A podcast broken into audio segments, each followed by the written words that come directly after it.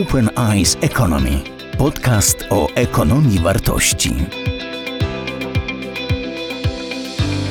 To jest podcast Mówiąc Otwarcie. Bartłomiej Biga. Witam wszystkich, którzy chcą posłuchać o elektromobilności, o tym, czy sprawdza się ona nie tylko w takich zastosowaniach prywatnych, ale także w biznesowych, na przykład w logistyce. I o tym będę rozmawiał ze Sebastianem Aniołem, dyrektorem działu innowacji z Impostu. Witam serdecznie. Dzień dobry, witam Państwa. Chciałbym, żebyśmy porozmawiali e, o tym, na jakim etapie już teraz jest impost, jeśli chodzi o przechodzenie na flotę elektryczną, bo wiem, że już od dłuższego czasu dla Państwa to jest jeden z priorytetów, to jest taki kierunek, którego się trzymacie. Jak duża część naszych paczek już jest realizowana za pomocą e, samochodów elektrycznych? E, ja zawsze odpowiadając na takie pytanie mówię, że jesteśmy ciągle na początku drogi, e, aczkolwiek faktycznie jesteśmy już zaawansowani, ale wciąż jeszcze na początku. Na chwilę obecną mamy już tysiąc samochodów w naszej flocie elektrycznej, e, tysiąc samochodów kurierskich, które codziennie przemieszczają się po e, naszych ulicach, ulicach naszych miast. Około 700 stacji ładowania, no bo też trzeba pamiętać, że wraz z rozwojem floty elektrycznej, zwłaszcza w Polsce, gdzie ta infrastruktura ładowania nie jest zbyt jeszcze rozbudowana, to trzeba było samemu zabezpieczyć sobie usługę ładowania. Stąd też, też rozwój infrastruktury do ładowania w naszych oddziałach. Pytał Pan, ile paczek? W tym roku mm, już ponad 50 milionów paczek e, zostało dostarczonych e, flotą samochodów elektrycznych. Przejechaliśmy tymi samochodami prawie 15 milionów kilometrów. Tylko w tym roku, tylko do końca e, października w zasadzie, bo to są dane, na koniec października, listopad jeszcze, jeszcze trwa. A proszę powiedzieć, czy to, że zdecydowaliście się na taki transport, wynika tylko i wyłącznie z troski o ekologię, czy to także ekonomicznie oznacza jakieś oszczędności, czy raczej to są dodatkowe koszty, które przynajmniej na tym etapie trzeba ponosić? E, to bardzo dobre pytanie, e, ale jak pan się pewnie domyśla, e, biznes oczywiście zawsze patrzy, patrzy też na ekonomikę rozwiązania i oczywiście bardzo istotne są czynniki środowiskowe, e, zwłaszcza w dzisiejszej dobie i, e, i w związku z tym, że też podjęliśmy mm, trudy dekarbonizacji i, no i coś nasze zobowiązanie to jest mm, zostać w całym łańcuchu wartości neutralnym środowiskowo do roku 2040. Przystąpiliśmy też do Science Based Target Initiative, gdzie Przedstawiliśmy swoje cele, one zostały zaakceptowane i, i, i zwalidowane jako nieliczna, jedna z nielicznych firm e, w ogóle z Polski. Więc to jest oczywiście bardzo duże zobowiązanie, ale to zobowiązanie e, przyjęliśmy około e, roku temu. Natomiast historia elektryfikacji naszej floty mm, no, sięga już prawie czterech lat.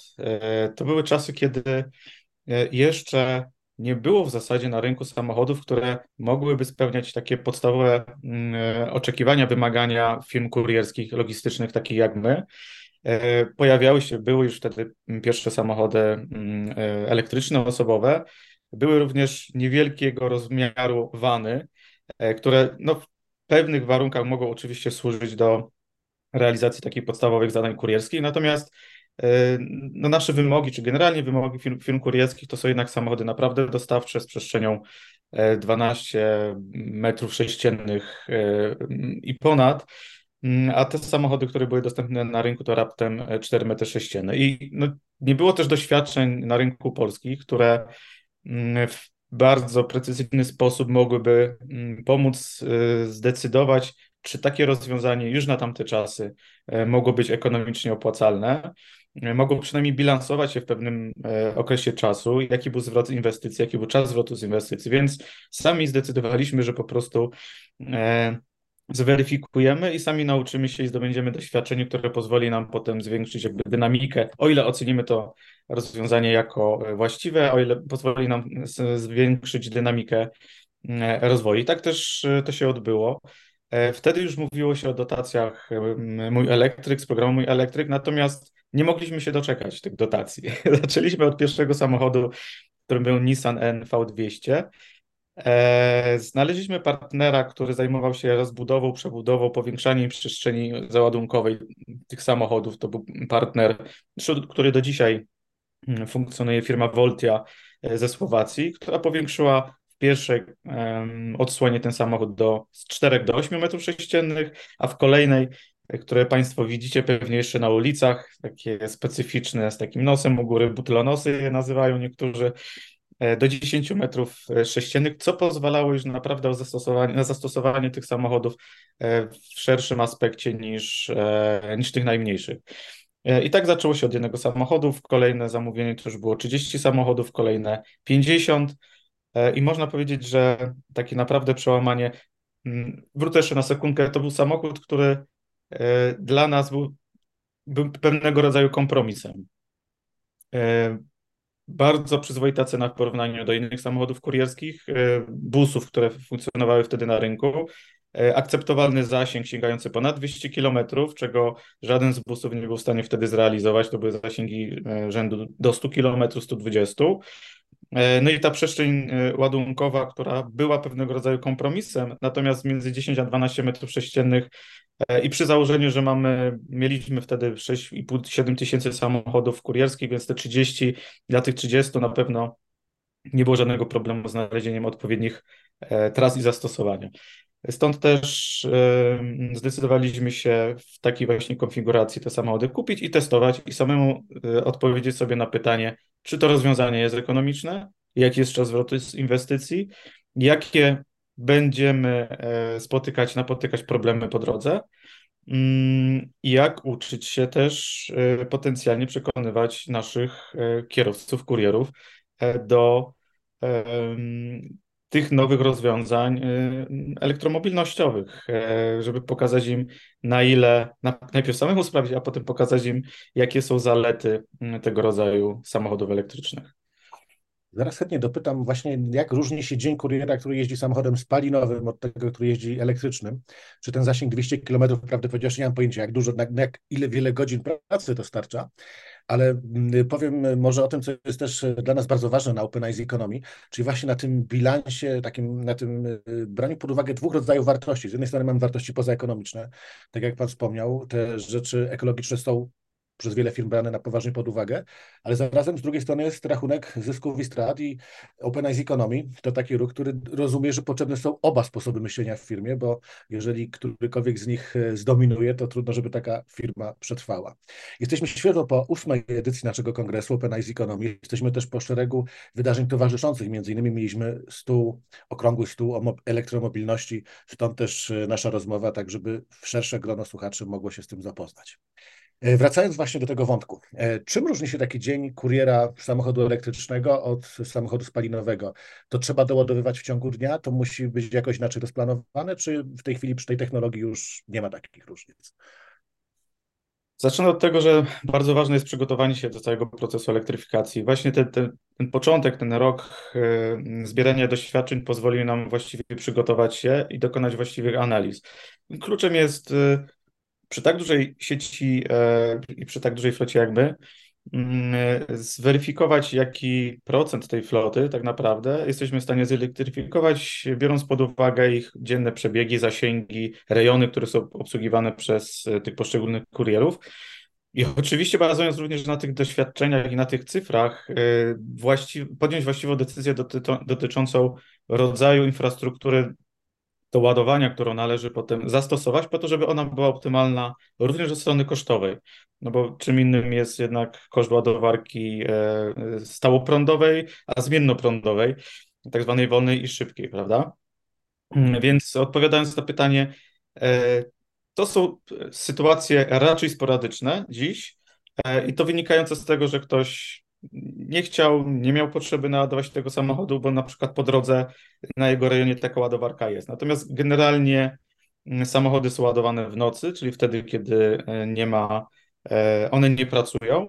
Są ładowane przez ładowarki wolne, co oczywiście dłużej trwa, ale spokojnie czas, którym, e, który one stoją, te ładowarki mogą być, e, znaczy wystarczają, żeby naładować te samochody. Mało tego, używamy systemów bilansujących jeszcze szybkość e, ładowania i, i, i umożliwiające sekwencyjność, sekwencyjne ładowanie samochodów jeden po drugim, które nawet jednocześnie są podpięte, po to, żeby minimalizować E, znowu potrzebę zwiększania przyłączy do naszych magazynów. Czyli innymi słowy, jeżeli potrzebujemy 200 kW na przykład mm, energii, to w naszym przypadku to łącze wystarczy, że będzie 100 na przykład, dlatego że w ciągu nocy ładujemy sekwencyjnie ileś tam tych samochodów i nigdy więcej niż, nie pobieramy niż 100 kW w ciągu godziny. Więc ta cała wiedza i, i to całe doświadczenie i podejście takie holistyczne e, i testowanie pozwoliło nam po prostu na podejmowanie optymalnych, również kosztowo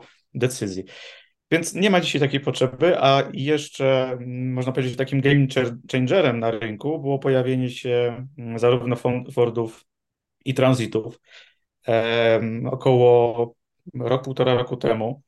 E, które no w zasadzie to już w 100% dziś można powiedzieć, że, że wypełniają oczekiwania e, takich firm kurierskich jak my, bo i mają ogromną ładowność, nawet ponad 15 metrów sześciennych, i zasięgi, i baterie pozwalające pokonywać zasięgi e, do 250 km, a przy tym mają bardzo rozsądną cenę.